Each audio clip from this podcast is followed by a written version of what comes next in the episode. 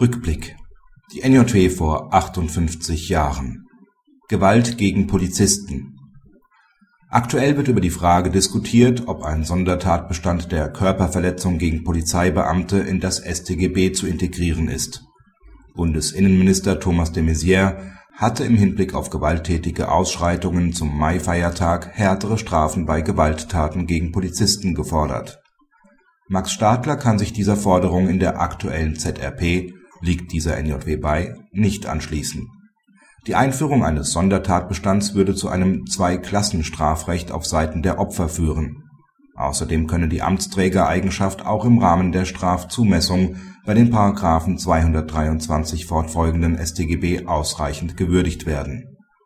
Für vertretbar hält der Parlamentarische Staatssekretär lediglich eine maßvolle Erhöhung der Strafandrohung in § 113 StGB. Nicht immer erweist sich der Widerstand gegen Vollstreckungsbeamte aber auch als Straftat. So auch in der NJW von vor 58 Jahren (OLG Oldenburg, NJW 1952, Seite 1189). Im zugrunde liegenden Fall schlug der Angeklagte auf einen Polizeibeamten ein, nachdem dieser seinen Kumpanen mit einem Schlag ins Gesicht zu Boden befördert hatte.